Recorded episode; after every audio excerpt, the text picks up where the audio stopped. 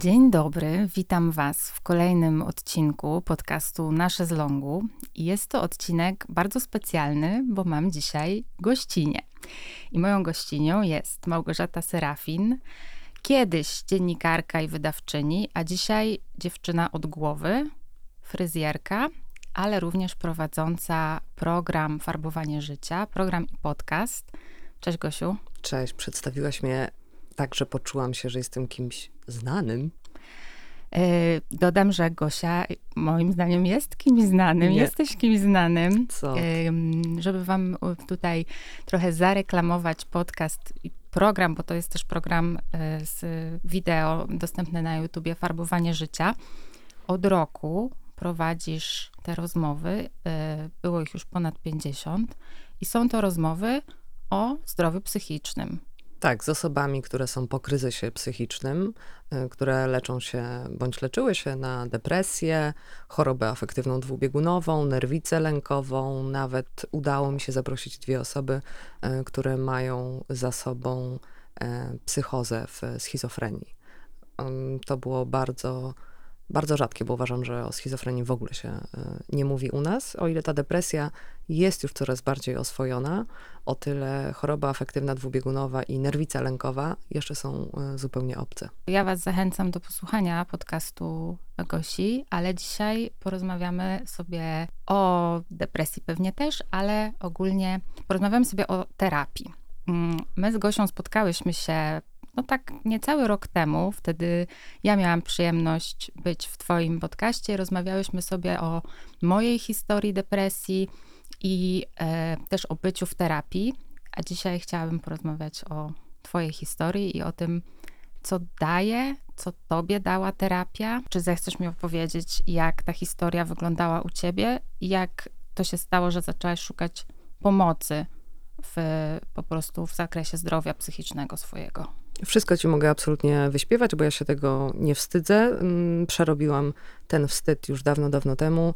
E, no i właśnie kiedy go przerobiłam, postanowiłam zacząć nagrywać podcast, ale moja historia z e, psychoterapią to, e, to nie są ostatnie, nie wiem, dwa lata. No, dwa lata. Prawie dwa lata temu miałam nawrót depresji, ale pierwszy raz depresję miałam zdiagnozowaną chyba w 2014 czy, czy 2015 roku jest mi totalnie ciężko to jakoś umiejscowić w czasie, bo mam wrażenie, że w tamtych latach, pracując w telewizji, ja żyłam w tak gigantycznej, ciągłej adrenalinie, z takim chomikiem w kołowrotku w głowie, e, że mi się zacierają dni, miesiące, lata i ostatnio próbowałam mm, zakładając profil na LinkedIn, y, próbowałam przypomnieć sobie, w którym roku ja odeszłam z której telewizji i to naprawdę nie było dla mnie y, proste.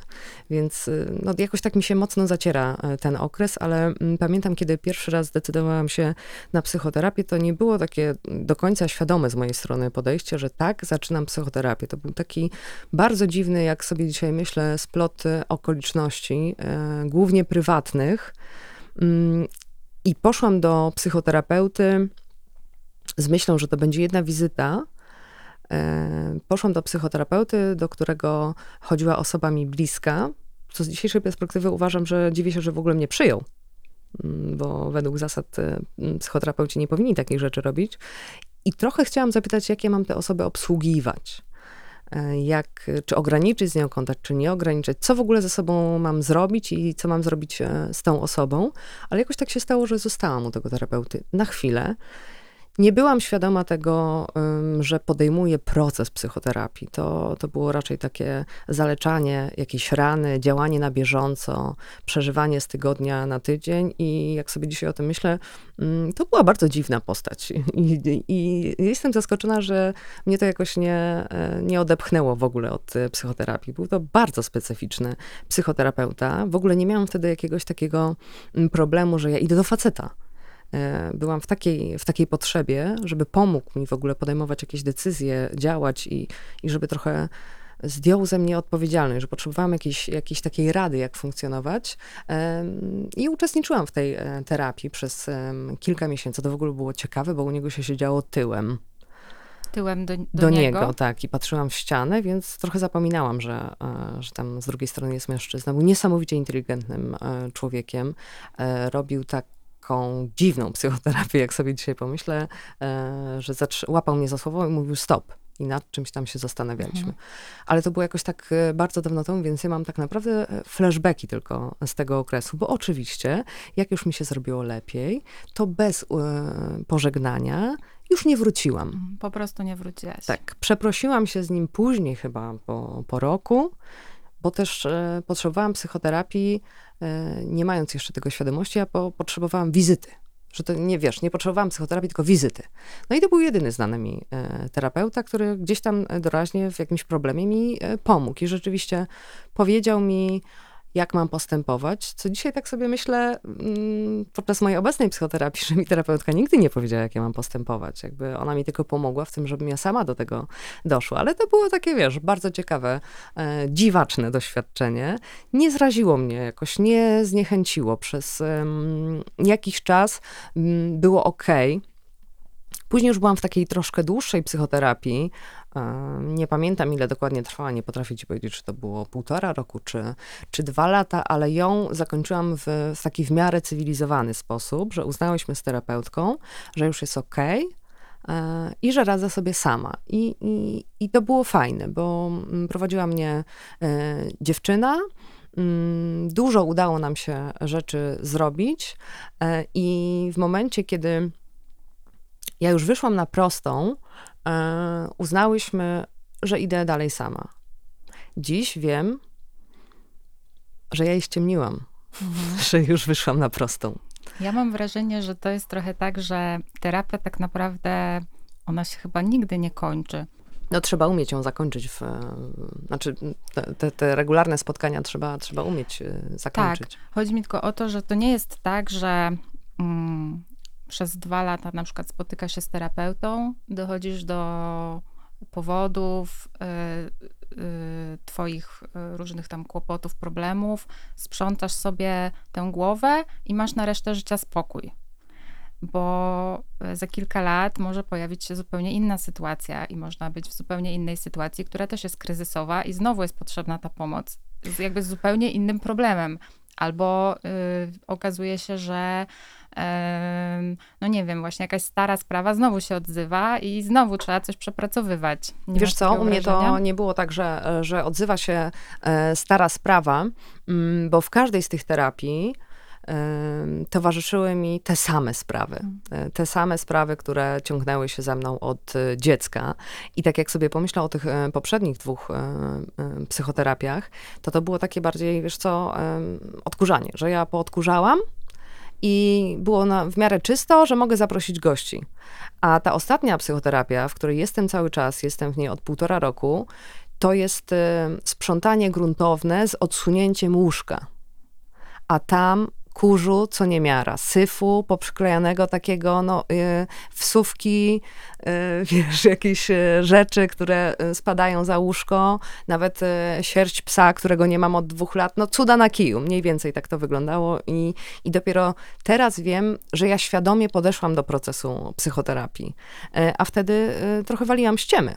Waliłam ściemy, bo bo chyba sama się lepiej czułam, jak, jak przywaliłam taką ściemę, że, że jest okej. Teraz, y, będąc w takim bardzo głębokim y, kryzysie i, i po takim załamaniu nerwowym, podeszłam do tego bardzo świadomie. Moja poprzednia depresja, ten pierwszy epizod, który miałam w życiu kilka lat temu, ja go po prostu zaleczyłam nie mając w ogóle pojęcia, czym jest depresja, czym jest psychoterapia, wzięłam leki, zrobiłam tą terapię, e, pani była ze mnie zadowolona, ja opowiadałam pani rzeczy takie, że, że ona widziała, że, że jest okej okay. i stwierdziłyśmy obydwie, że już jest tak zajebiście, że mogę iść dalej. No i ja tak sobie szłam dalej, e, harując cały czas, e, uciekając, uciekając, uciekając, uciekając od samej siebie, aż w końcu przyszła pandemia, która była momentem, w którym wszyscy się e, zatrzymali i wielu się załamało też.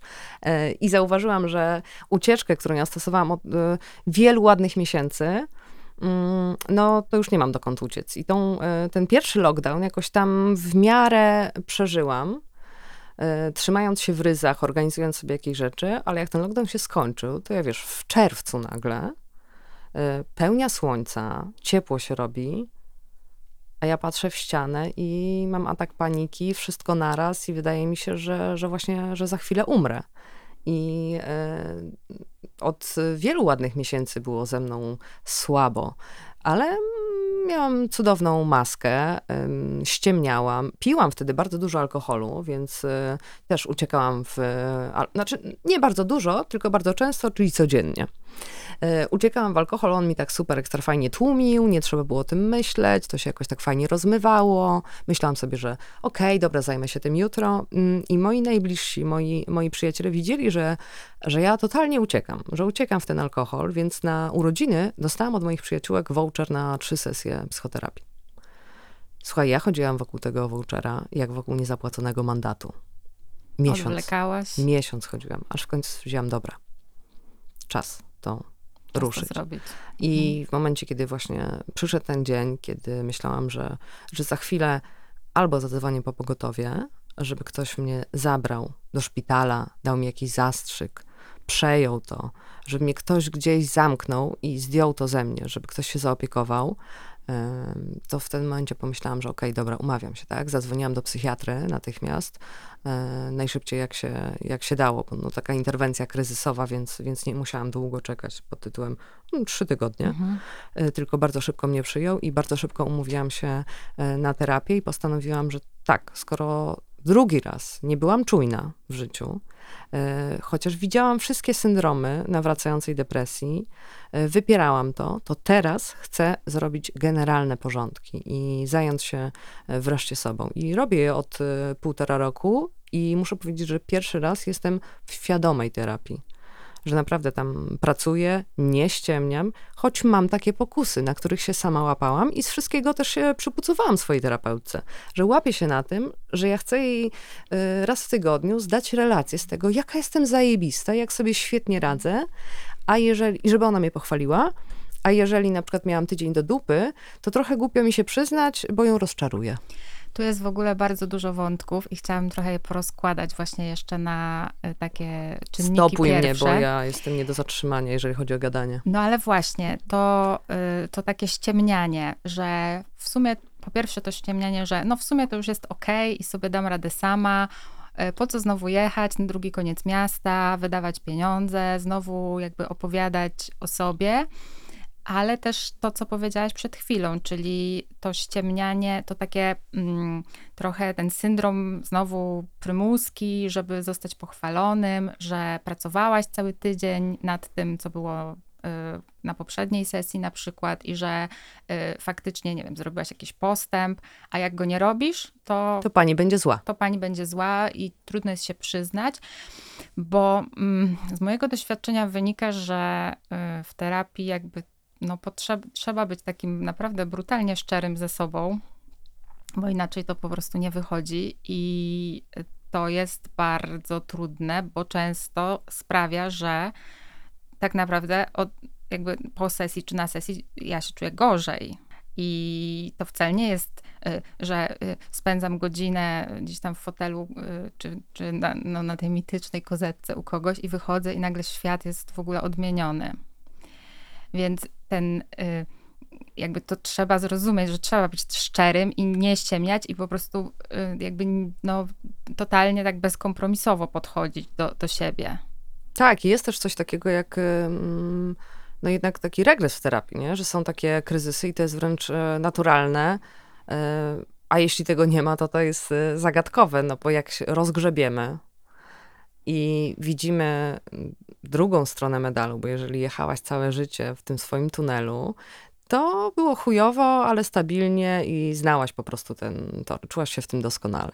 A jeżeli nagle okazuje się, że można inaczej i masz wybór, no to to jest na maksa trudne, tak? I widzisz, że postępowałaś e, robiąc sobie krzywdę i jak spojrzeć na tą nową wersję, że można inaczej, no to to jest dołujące bardzo, że można inaczej i nie umiesz tego, chcesz się tego nauczyć, a z drugiej strony doskonale znasz y, y, uczucie, jak jest w głównie i w bagnie, jest cieplutko.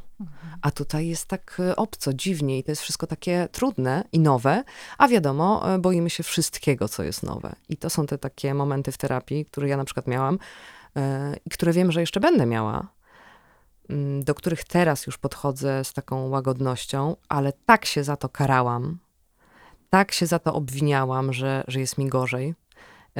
I oceniałam to jako ja nie robię postępu. Jestem fatalnym klientem. Mhm. Moja terapeutka będzie rozczarowana moją postawą, tym, że nie robię żadnego progresu, a przecież już pracujemy rok albo pracujemy pół roku, no i że ja ją zawiodłam. No właśnie. Syndrom prymuski jest tak, straszny. Syndrom prymuski, tak, straszny, bo y, jakby znam to, y, rozumiem i też mi się zdarzało i musiałam y, bardzo czasami właśnie ze sobą walczyć, bo czasami nawet było tak już, że Jezu, już mi się nie chce. Już, już nie chce mi się w tym, tego tematu, już, już zakończmy to, już powiedzmy, że jest okej, okay, tam przypudrowane, przyklepane. E, zamiast właśnie znowu wygrzebywać z tych szpar podłogi te brudy. E, to porównanie do posprzątanego pokoju, ja też go używam i wyobrażam sobie, że mam po prostu taki dom, w którym jest e, kilka takich pomieszczeń i tak właśnie trochę miałam u siebie z terapią, że zaczęłam sprzątać jedno, to które mi się wydawało najbardziej zabałaganione, a wyszło, że tak naprawdę powinnam najpierw posprzątać zupełnie inne. No to bo co z tego, jak w jednym będzie czysto, jak wreszcie syf? Tak, tak, ale że jakby y, sprawa, z którą myślałam, że przyszłam, okazało się, że tak naprawdę przykrywa tylko coś innego. Że ty jest... nie w kuchni masz bałagan, tak, tylko w garażu tylko jest syf. W garażu jest syf, tak. Ale mm, to, co mi się wydaje też ważne, żeby powiedzieć, to też ten komfort właśnie czucia się dobrze z terapeutą, bo mm, jakby to, że terapia jest niekomfortowa czasami, że się czujemy gorzej, że jakby nie chcemy wywlekać niektórych rzeczy, że trzeba się przełamywać, to jest jedno, ale to, jak się czujemy z tym człowiekiem, no, któremu trzeba zaufać i z którym spędzamy w sumie dużo czasu, jakby, że to też jest ważne i że chciałam powiedzieć, że zmiana terapeuty też jest w porządku. Jeśli się po prostu na przykład ktoś nie czuje dobrze z mężczyzną czy z kobietą, czy po prostu nie odpowiada, nie wiem, cokolwiek, to lepiej poszukać osoby, do której się będzie miało zaufanie, bo wiem, że taka, mm, taki terapeuta, który właśnie nie podpasuje, może zniechęcić w ogóle do podjęcia tego procesu. No, zmiana terapeuty jest jak najbardziej możliwa, nie jest niczym złym, ale weź to zrób, żeby nie było przykro terapeucie. No właśnie, jak Żeby wstydu nie przynieść. Ja na szczęście. Przepraszam, ale nie chcę No, nie chcę spać. Jezu, nie, no głupio, głupio. Ja w ogóle jestem takim, wiesz, ja jestem też konsumentem, który w życiu reklamacji nie złożył, nie? więc to jest żenada, ale na, na całe szczęście jakoś tak e, trafiłam teraz, może dlatego, że, że ten voucher, który dostałam od, e, od moich przyjaciółek, Mm, był do terapeutki, którą one doskonale znały. I to było w, w sekundę się dogadałyśmy. Myślę, że ja byłam wtedy też e, w takim stanie, że jeżeli ktoś mi powiedział, że muszę to, e, że zrobi mi się lepiej, jeżeli to wszystko opowiem pani Maryli z ósmego piętra, to ja bym poszła do pani Maryli i jej to opowiedziała. E, ale rzeczywiście po tym takim kryzysie zaczęłyśmy pracować i po prostu między nami e, zagrało, bo nie wyobrażam sobie, co by było, gdyby nie zagrało między mną a terapeutą. Ja bym się frustrowała, nie zrobiłabym żadnego postępu w terapii, zastanawiałabym się, jak e, powiedzieć, że ja dziękuję za te usługi, albo w ogóle, wiesz, ściemniłabym no musiałabym nakłamać, bo oczywiście nie mam jaj, żeby powiedzieć, że nie, dziękuję, ja poszukam e, kogo innego. Cieszę się, że, że tutaj między mną a moją terapeutką e, zagrało, mm, ale jest jednak taki mały jeden haczyk albo gwiazdka, która może troszeczkę naszą czujność zaburzyć, mhm. albo przynajmniej ja mam coś takiego, żeby nie było za fajnie. Nie? Tak. Ja miałam tak, tak kiedyś z trenerem personalnym. E, że bardzo się polubiliśmy, co też uważam, że było ważne, bo nie zniosłabym, wiesz, ćwiczenia we frustracji, ale tak się zakumplowaliśmy, że ja już potem tam w ogóle oszukiwałam, nie? że nie ćwiczę i tak, na, i tak naprawdę to sobie bardziej gadaliśmy. Tak. I to jest takie zgubne, że jak jest za fajnie, to też... Um... Tak, bo to jest takie trochę, że... Mm, że to nie chodzi o to, żeby e, terapeuta powiedział ci to, co chcesz, chcesz usłyszeć, albo żeby cię właśnie pochwalił, albo żeby ci, powiedział, o, ale e, pani Małgosia, pani jest przecież taka inteligentna i taka zdolna i taka, taka, taka. E, jakby nie o to chodzi. Ja miałam jedną zmianę terapeutki. Zresztą ta pierwsza zapytała mnie w ogóle pod koniec w ogóle pierwszej sesji jak ja się z nią czuję, jak ja się tutaj czuję i nie umiałam jej odpowiedzieć wtedy, ale potem... A po ilu terapiach zrezygnowałaś? To na samym początku, okay. po dwóch czy trzech spotkaniach. I co powiedziałaś? Że, że, co, że wyjeżdżasz do Sudanu, kopać studnie na wolontariat, czy nie, prawdę chyba, powiedziałaś? chyba nie powiedziałam chyba dlaczego. Powiedziałam po prostu, że rezygnuję i dziękuję i, i, i zwróciłam się do kogoś innego. Mm, to w ogóle była taka historia, że na, poszłam wtedy y, y, jakby do tej, do tej starej a potem już byłam umówiona do nowej. No, Taka zakładka. Tak, tak, tak, ale y, to tak jak kiedyś zmieniałam y, korepetytorkę z francuskiego i tak samo y, przez chyba dwa tygodnie chodziłam do obu, bo się bałam tej pierwszej powiedzieć, żeby jej nie było przykro. No, ale to chodzi o nas, więc to jakby my się też tak. musimy czuć dobrze, swobodnie i, i, i to jest ważne, ale co chciałam powiedzieć, wracając jeszcze do tej twojej wcześniejszej wypowiedzi, że mm, trochę mam wrażenie, że to hasło idź na terapię stało się takim, taką odpowiedzią na każdy problem. I dużo osób zaczęło mieć mm, przekonanie, że jakby mm, to jest jakaś magiczna rzecz, czy magiczny proces, który po prostu w dwa tygodnie cię uleczy. I tak jak rozmawiałyśmy sobie jeszcze przed nagraniem, że y, wiele osób jakby nie zdaje sobie sprawy, że to one muszą wykonać po prostu tę ciężką pracę i posprzątać po prostu ten gruz i wydłubać te śmieci spod podłogi i tą psią sierść. No, to jest straszne. To jest taka, wiesz, jak, jak rehabilitacja. No dobra, chodzisz, czasem dłużej, czasem krócej. Jak masz coś bardzo skomplikowanego, no to e, czasem na tą fizjoterapię musisz chodzić e, przez pół roku. E, I masz oczywiście osobę, która ci w tym pomoże, ale ona nie odczuwa tego twojego bólu w tych mięśniach, tak? Tylko ona ci mówi mniej więcej, jak ćwiczyć tę nogę i, i kieruje tobą, żeby dojść do, do pełnej sprawności. Ale no to, że ty ją podnosisz i cię boli jak cholera, no to to jest twój ból i, i, i fizjoterapeuta tylko no, może się uśmiechnąć, że wie, że boli, tak? No bo on doskonale wie, że boli, ale no, musi boleć, tak? Żeby dojść do pełnej sprawności, więc e, z psychoterapią jest tak samo. No, nikt e, nie rozwiąże za nas tych problemów i myślę, że że to jest taka cholernie trudna rzecz jednak, e, rozgrzebanie tego wszystkiego. Myślę, że wiele osób nie decyduje się na terapię, bo zdaje sobie sprawę z tego, żeby dojść e, do sedna i w ogóle zmienić jakieś nawyki, to trzeba to naprawdę grubo rozgrzebać, e, przywrócić niemalże ustawienia fabryczne i, e, i wgrać sobie to oprogramowanie na nowo, które i tak już troszeczkę jest zawirusowane, bo niektórych rzeczy nie zmienimy. No, no ale tego własnego antywirusa trzeba sobie jakoś tam wypracować. I to jest cholernie ciężka robota, absolutnie cholernie ciężka robota. Jest to frustrujące czasami. Ja też bym bardzo chciała, e, żeby to było na przykład pięć spotkań, bo jak słyszałam kiedyś, że jest coś takiego jak terapia skupiona na rozwiązaniu, może mhm. teraz gadam głupotę i mówię, o Jezu, to, jest, to musi być ekstra, że wiesz, pięć, e, pięć spotkań i, i, i mhm. jedziemy, nie? Sprawa rozwiązana.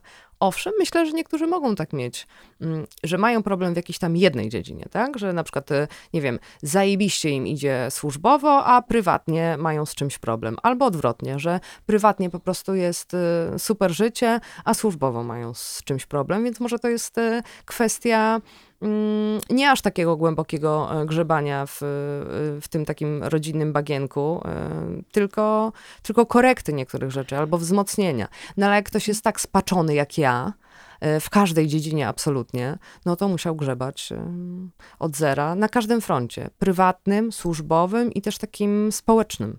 Tak, zgadzam się. Myślę, że może być czasem tak, że jakby potrzebuje się bardziej takiej Mm, rady, nie wiem, na przykład jak e, coś zakomunikować w rodzinie, że jakby nie przychodzi się jakiegoś głębokiego kryzysu, tylko po prostu jest jakiś właśnie punktowy problem i wtedy taka punktowa, punktowe spotkanie też może pomóc, ale lubimy takie rozwiązania instant i też nam się wydaje, że jak mm, nie wiem, pojedziemy na obóz medytacyjny do Grecji na tydzień, to załatwi nam to też wszystkie problemy w życiu. Moja droga, ja pojechałam do Indii na jogę, bo stwierdziłam, że tam mnie oświeci. I no, jak, jak zacząć jogę, to, to gdzie? No, no w Indiach przecież. Nie miałam zielonego pojęcia o tej jodze. I od razu do Indii. No i że tam mnie oświeci, w ogóle zmieni się moje życie. No dupa, nie pomogło nic, bo ja byłam cały czas e, w tej depresji, której jeszcze nie miałam e, pojęcia. Więc to mi absolutnie nie pomogło, ta joga mi nie weszła. Ja nie byłam wtedy gotowa na to absolutnie. Na szczęście miałam taką joginkę, która od razu mi powiedziała, stara, masz taki beton wszędzie, że to, to nie jest ten moment. I ja teraz nieśmiało, słuchaj, sobie chodzę na jogę, próbuję różnych miejsc. Trochę się zaczęłam z tym przepraszać. W ogóle uwierzyłam w to, że, że jest coś takiego, że głowa jest połączona z ciałem. Oj, tak. I to mi zajęło Oj, tak. 35 lat, żeby się skumać, że kurczę, ta, ta głowa to nie jest jednak po prostu na końcu ciała, tylko ona jest na maksa połączona. Tak. No dobrze, ale ym, gdybyś miała powiedzieć, co ci tak dała terapia, tak również życiowo, to, to co to jest? Co jest takie najważniejsze, co jakby wynosisz z tego? Wiesz co, dała mi takie e, poczucie, że nie wszystko, co myślę, jest prawdą. Że myślę rzeczy, które mm, są fałszywymi przekonaniami, bo to są rzeczy, które ja ze sobą niosę od lat 35 i one nie są prawdą na mój temat.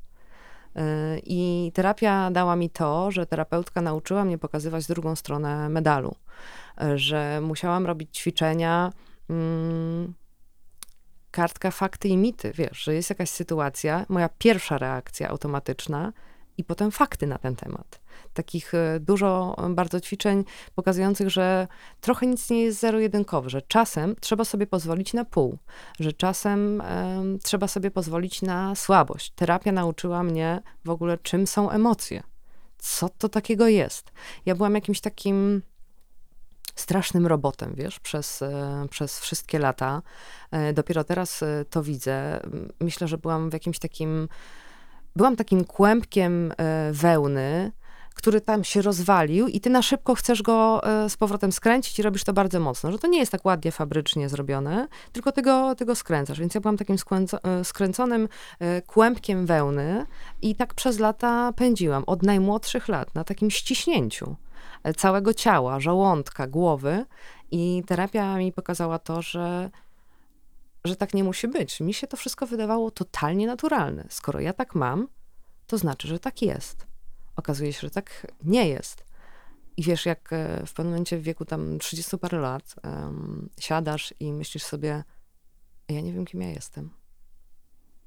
Kim ja jestem? Co ja lubię? Czego nie lubię? Jakie mam zdanie na ten temat? Czy ja mam jakieś zdanie, czy tylko uważam tak, bo tak powinno się uważać?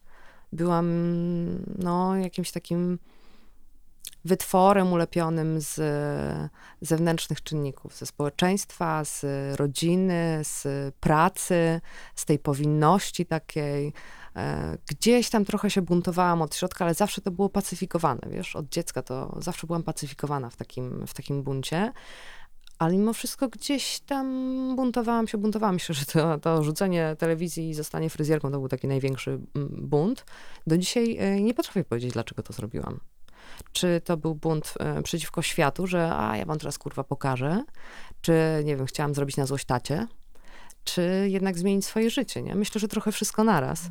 E, I, I dopiero jak się zatrzymałam, tak na dłużej i świadomie zaczęłam mniej pracować, dałam sobie ten czas na chorowanie, to przyjrzałam się e, temu, co tam się dzieje i, i zaczęłam w ogóle dostrzegać to, co mi daje terapia. I po jakimś czasie zrozumiałam, że to się nie wydarzy z tygodnia na tydzień, tylko na przykład e, teraz miałam taką dwutygodniową przerwę z moją terapeutką i, i myślę, że już jestem na ten moment e, gotowa, być może mm, potem zrobię emergency call, że jednak co tydzień, żeby spotykać się co dwa tygodnie. E, Bo jak się ostatnio widziałyśmy, to ja mówiłam, mówiłam, mówiłam i ja widziałam, że jej się oczy świecą. e, Że, do, że dociera do mnie, nie? I moja terapeutka jest taką osobą, która, ona mi nie mówi, co ja mam robić, tylko tak mi pomaga się naprowadzić, że ja na koniec sesji sama tłumaczę sobie, sama dochodzę do tego, z czym zaczęłam. I to jest absolutnie ekstra, nie? Takie rozwiązywanie problemów, nauczenie się tej łagodności dla siebie, e, nauczenie się tego opiekowania sobą, jak ja kiedyś słyszałam, hasło, bądź dla siebie łagodny albo się zaopiekuj, to wiesz, jak słyszałam oddech, yoga, medytacja, to się śmiałam. Mówię, co to jest? Trzeba być silnym, trzeba być mhm. twardym. Taki jest świat, a nie zaopiekuj się, wiesz. Taki twardy, surowy, zimny chów. Mhm. Jakie zaopiekuj się?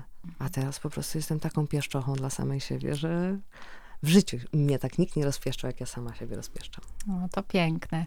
Ale ta walka właśnie z własnymi przekonaniami, no ona jest bardzo trudna, bo to są takie rzeczy właśnie, w których wyrastamy, że mm, nie wiem, trzeba y, nawet już biorąc stereotypy o dziewczynkach, trzeba być grzeczną, tak. trzeba zawsze, y, nie wiem, y, trzeba ładnie wyglądać, nieumalowanym się nie wychodzi do ludzi i tak dalej, i tak dalej.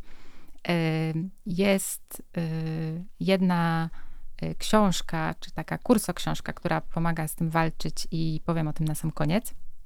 Ale chciałam cię zapytać, mm, wspomniałaś również, że byłaś także w terapii grupowej która jest czymś totalnie, totalnie innym od takiej terapii indywidualnej. Y, co to była za terapia, na czym to polega i jaka jest ta zasadnicza różnica? Wiesz co, ta, ta terapia grupowa to też było dla mnie takie zrządzenie kosmosu, że rzeczy do mnie po prostu przychodzą jakoś e, algorytm, ktoś mnie podsłuchuje, nie wiem, nieważne, ale trafiłam na książkę Dorosłe dziewczynki z dysfunkcyjnych domów. Ja nie jestem z domu alkoholowego, e, jakby mieszczę się e, w tym pojęciu dysfunkcyjności, ale mój dom po prostu e, był domem takim dosyć surowym, bo jak się potem zorientowałam już na terapii, moi rodzice są DDA.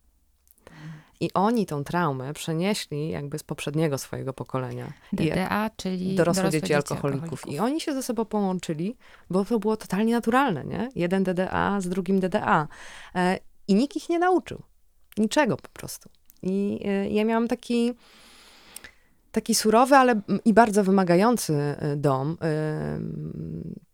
zorientowałam się też na terapii, że, że byłam w takim układzie, który odcisnął na mnie gigantyczne piętno, z którego ja sobie nawet nie zdawałam sprawy.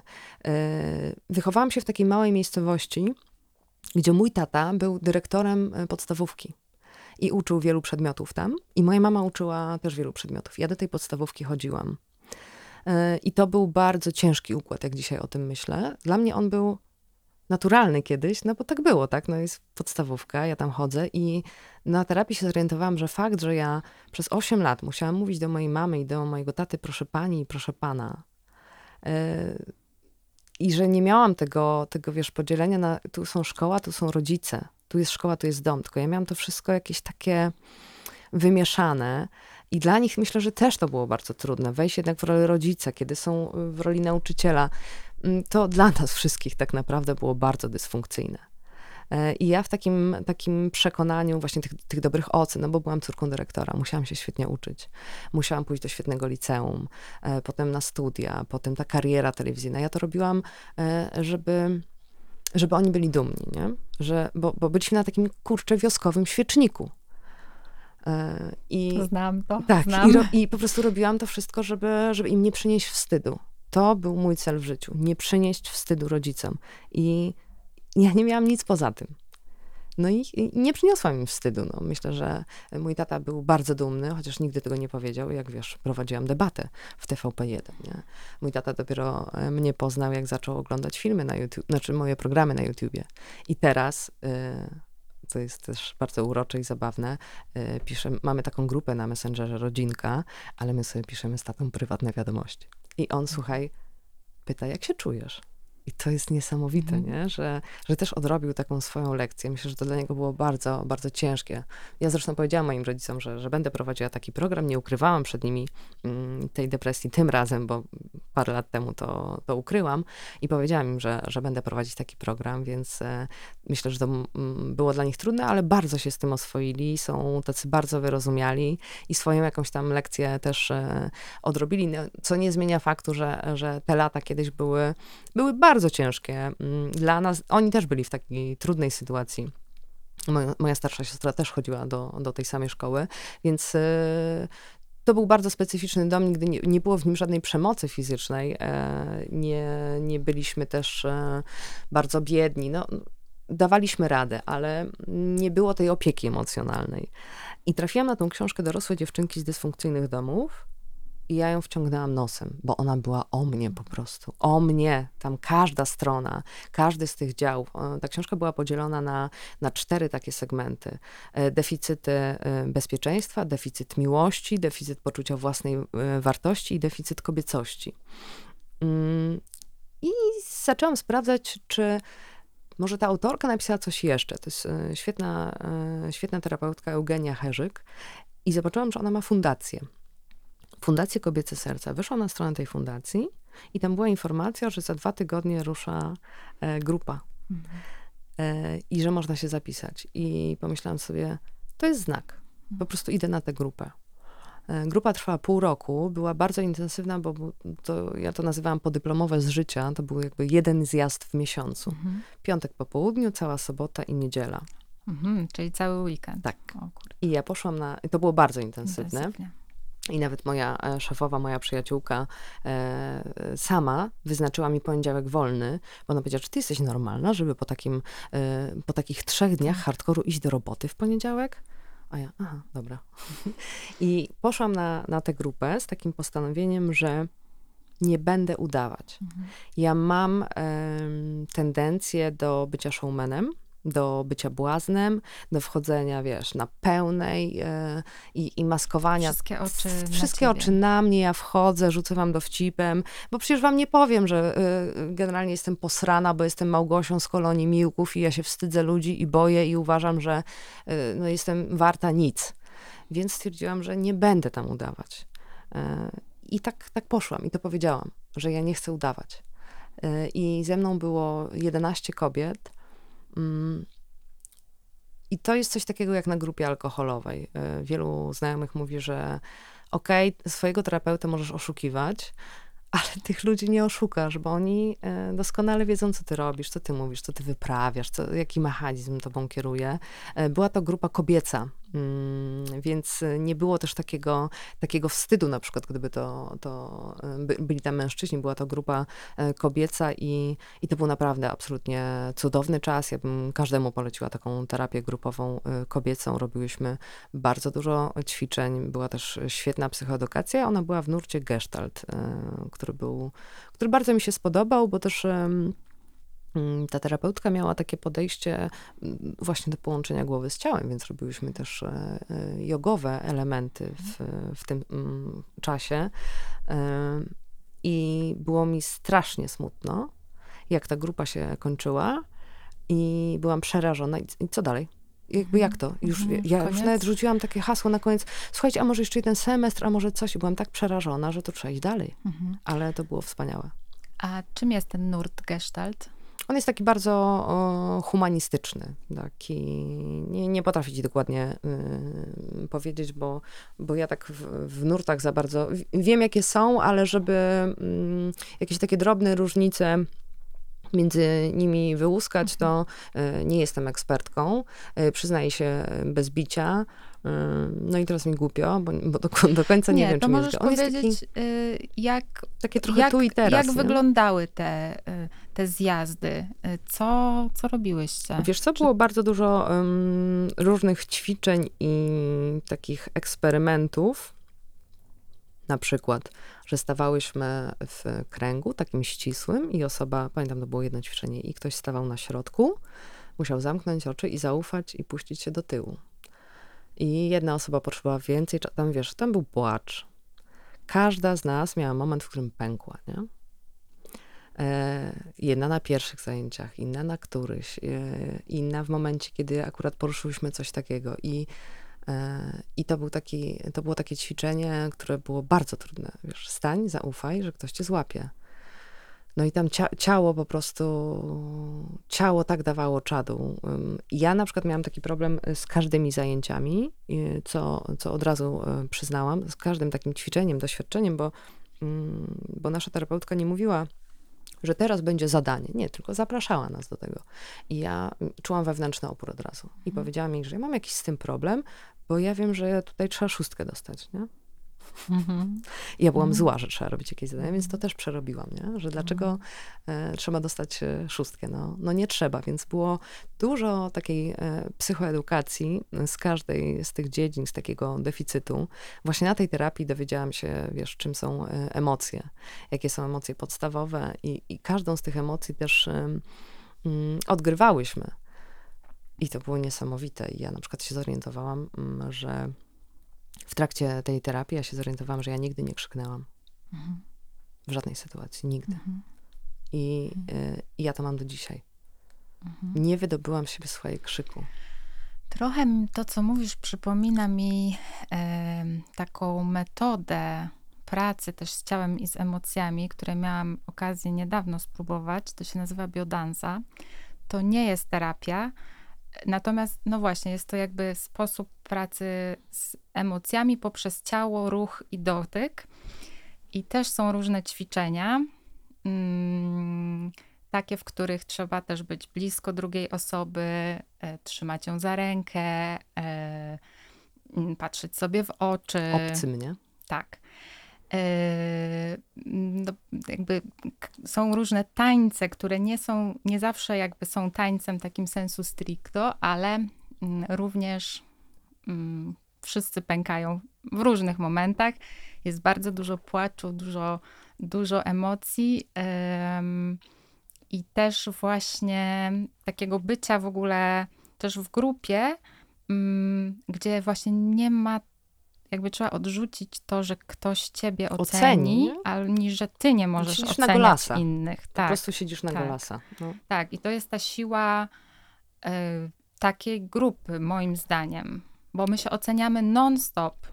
Tak, non-stop. tak, tak, tak. Ja pamiętam też na, na początku tej e, terapii, był taki wstęp o o zasadach i o takim kontrakcie.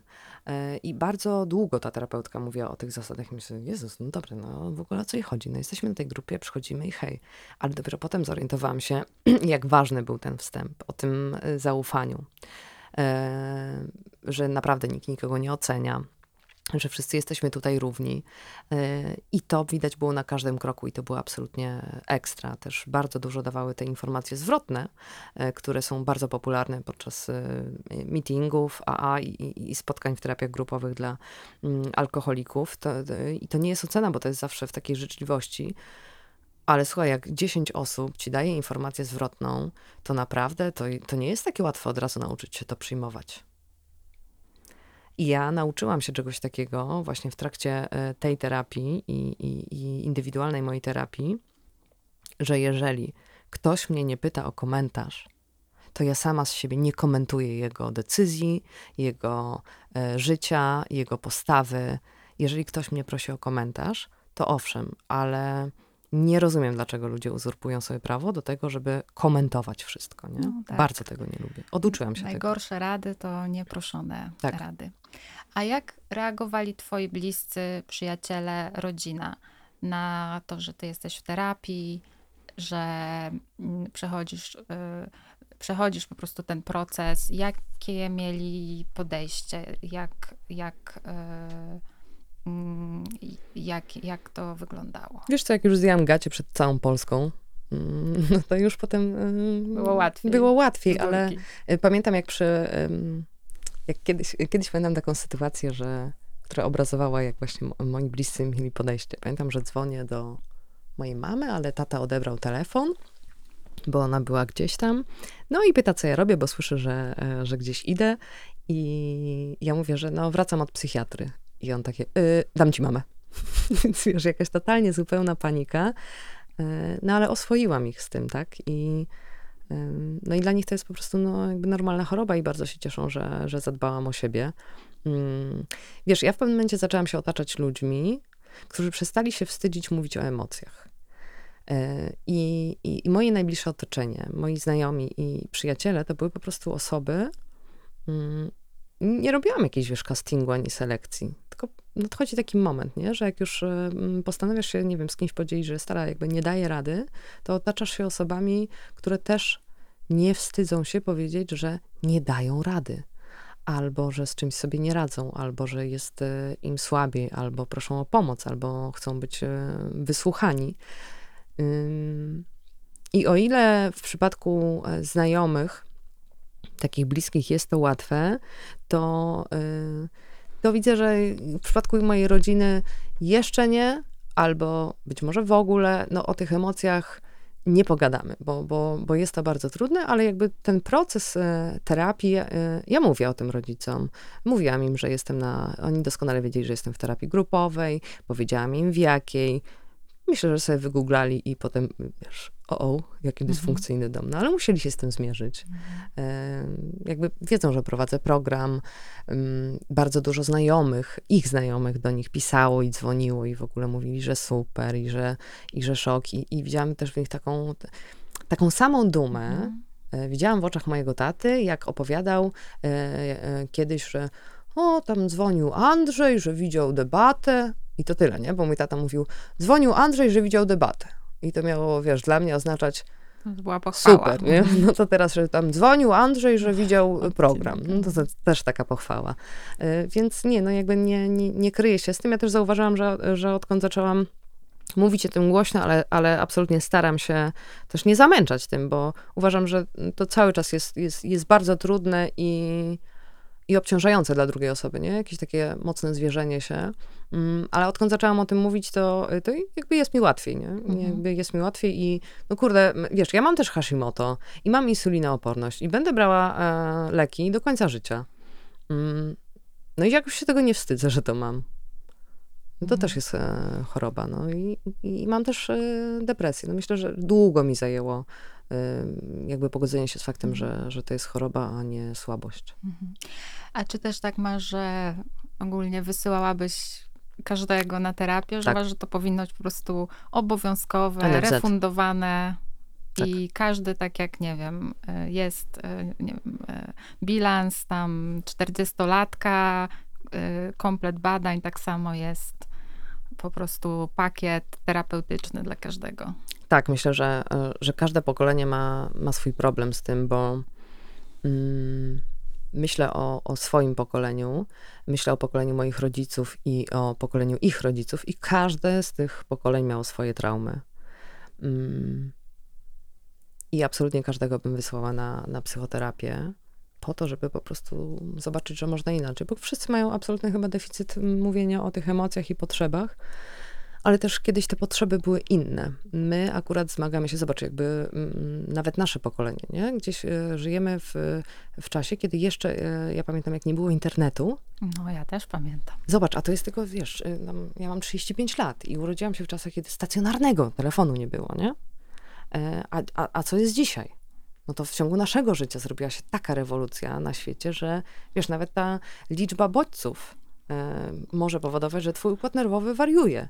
I dlatego myślę też w naszym, i, i ten pęd, i to wszystko, i, i dźwięki, obrazy, sygnały, które I, wysyła tak. świat do naszego pandemia, mózgu. Tak. Wiesz, i dla, mm, nie wiem, nastolatków, tak. E, to pandemia już jest powiedzmy, dla nas no to jest, nie wiem, tak, 5% no. życia, no. a dla niektórych to już jest dużo więcej tak. po prostu. Tak. I, I, ten świat, który się nagle tak zmienił i jak sobie teraz z tym radzić no. i co, co jakby, co będzie dalej. Ja bym wysłała wszystkich na terapię, ale wiem jak, jaka jest bida i deficyt z e, psychoterapeutami w naszym kraju, z psychiatrami, ale przede wszystkim, mm, chociaż tutaj działania nie napawają żadnym optymizmem, przede wszystkim wprowadziłabym edukację e, od mhm. początku w szkole, mhm. o emocjach. O emocjach, tak. Po prostu tak. emocjach. I, I moim zdaniem to nie jest tak, że okej, okay, że, że szkoła, e, szkoła ma wychowywać, a szkoła swoje, a dom swoje i tutaj, i tutaj. Mhm. I dla rodziców wprowadziłabym takie zajęcia, i dla dzieci wprowadziłabym e, takie zajęcia. Tak, no właśnie powiedziałaś coś, co zawsze też mi siedzi gdzieś z tyłu głowy, jak e, rozmawiam z kimś o terapii,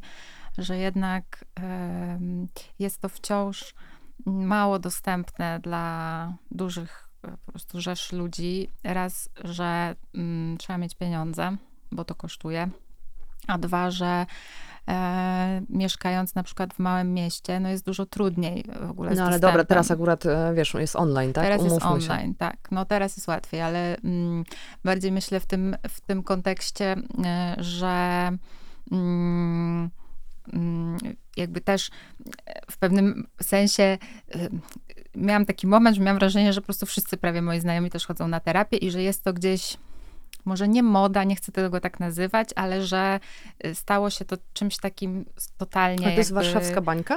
Normalnym. Tak mi się mhm. wydaje. Więc jakby w kontekście właśnie mojego miasta myślę sobie o tym, że wciąż y, tutaj jest trud, trudniej może. Yy, o tym mówić i mm, no też terapeutów na NFZ nie znam w ogóle liczb i statystyk, ale zakładam, że tak jak ty powiedziałeś, że na interwencję kryzysową nie musiałaś czekać na przykład trzech tygodni. No, nie wiem, jak jest skonstruowany system. Tak, no. ale y, w publicznym tak. systemie, jeśli na przykład właśnie musisz czekać, no to jest to duży problem, jest to duża przeszkoda. Wiesz co, no jest ta reforma y, psychiatrii, y, ja śledzę y, ją bardzo, bardzo wnikliwie, jest ten pilotażowy y, program Centrów Zdrowia Psychicznego, ma być ich tyle, ile powiatów w Polsce, czyli tam ponad 300, na razie jest 30 tych miejsc. I byłoby super, jak sobie pomyślę o tym, bo ja się właśnie urodziłam na wiosce, ale obok jest takie małe miasteczko kilkunastotysięczne. Jak sobie pomyślę o tym, że tam miałoby być takie centrum zdrowia psychicznego, e, gdzie obowiązkiem takiego centrum jest zorganizowanie w ciągu 72 godzin dla osoby, która przychodzi e, w kryzysie pomocy psychiatrycznej i zaopiekowanie się psychologiczne, to byłoby super. Ale w małym mieście jest tak, że jak idziesz, to wszyscy o tym wiedzą. E, I jest to gigantyczne poczucie wstydu, co inni powiedzą. I to jest, uważam, najstraszniejsze w naszym społeczeństwie, co inni powiedzą, przejmowanie się tym. Tak, dlatego trzeba właśnie to normalizować. I dzisiaj nawet coraz więcej e, firm e, udostępnia takie konsultacje dla swoich e, pracowników, bo no ludzie jakby nie, niekoniecznie jakby muszą mierzyć się z depresją, ale nie wiem, z wypaleniem zawodowym, z jakimś poczuciem zagubienia i tak dalej. I mm, znowu użyję tego słowa, że trochę się to stało takim modnym benefitem, ale w wielu wypadkach myślę, że koniecznym. I mm, im więcej też będzie takich inicjatyw, im więcej się w ogóle będzie mówiło o tym, że to jest y, jakby, że tak powinno być, to korzystanie z pomocy, no to tak jak y, masz katar, y, czy nie wiem, masz grypę, to idziesz do lekarza pierwszego kontaktu, a masz jakiś kłopot problem psychiczny, z którym sobie nie radzisz, to idziesz do psychiatry czy do terapeuty. Oczywiście, że tak powinno być, ale biorąc pod uwagę y, nasze, nasze państwo i nasz system opieki zdrowotnej, wiesz, jak sobie pomyślę o, o statystykach wykrywalności raka, nie? O tym, jak o siebie nie dbamy, jak nie ma badań profilaktycznych, jak nie ma do tego dostępu, e, no to wiesz, zajęcie się zdrowiem e, fizycznym wydaje się często jakby ważniejsze niż to zdrowie psychiczne dla wielu osób, a z tym i tak jest duży problem. No bez kasy jest bardzo, bardzo no ciężko. No, tak, tak, bez kasy jest ciężko. E, czy jest jakaś taka rzecz, e, której się też nauczyłaś w terapii, która ci tak towarzyszy na co dzień. Ja na przykład powiem y, najpierw o tym, co mi towarzyszy, bo mm, takie, takie rzeczy, które sobie powtarzam, jak mam jakiś trudniejszy na przykład moment, to y, mówię sobie dobrze, to dzisiaj właśnie muszę sobie sprawiać więcej przyjemności.